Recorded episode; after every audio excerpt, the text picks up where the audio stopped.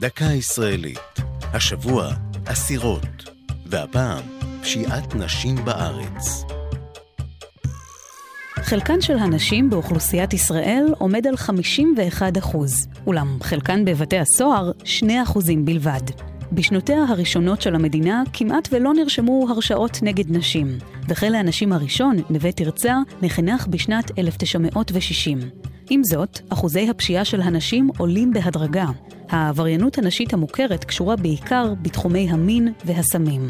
המחקרים מצביעים על קשר ישיר בין העוסקות בעבריינות זו לטראומה מינית בילדות, וכן לעוני, לחוסר השכלה, להתמכרויות ולסביבה משפחתית המעורבת בפלילים.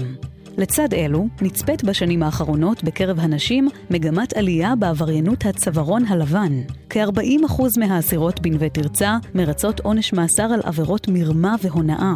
החוקרים מצביעים על כך שקווי היסוד בדמות אסירות אלה שונים מבעבר, ונראה כי הן פועלות מכוח היותן בעלות תפקיד בכיר, הכרוך באחריות כספית, מעמד שבעבר היה מנת חלקם של גברים בלבד.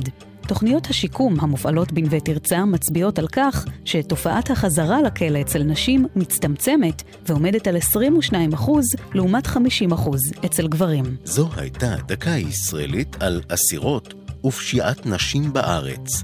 כתבה יעל צ'חנובר, ייעוץ הדוקטור ניצב משנה בדימוס סוזי בן ברוך, הגישה מרים בלוך.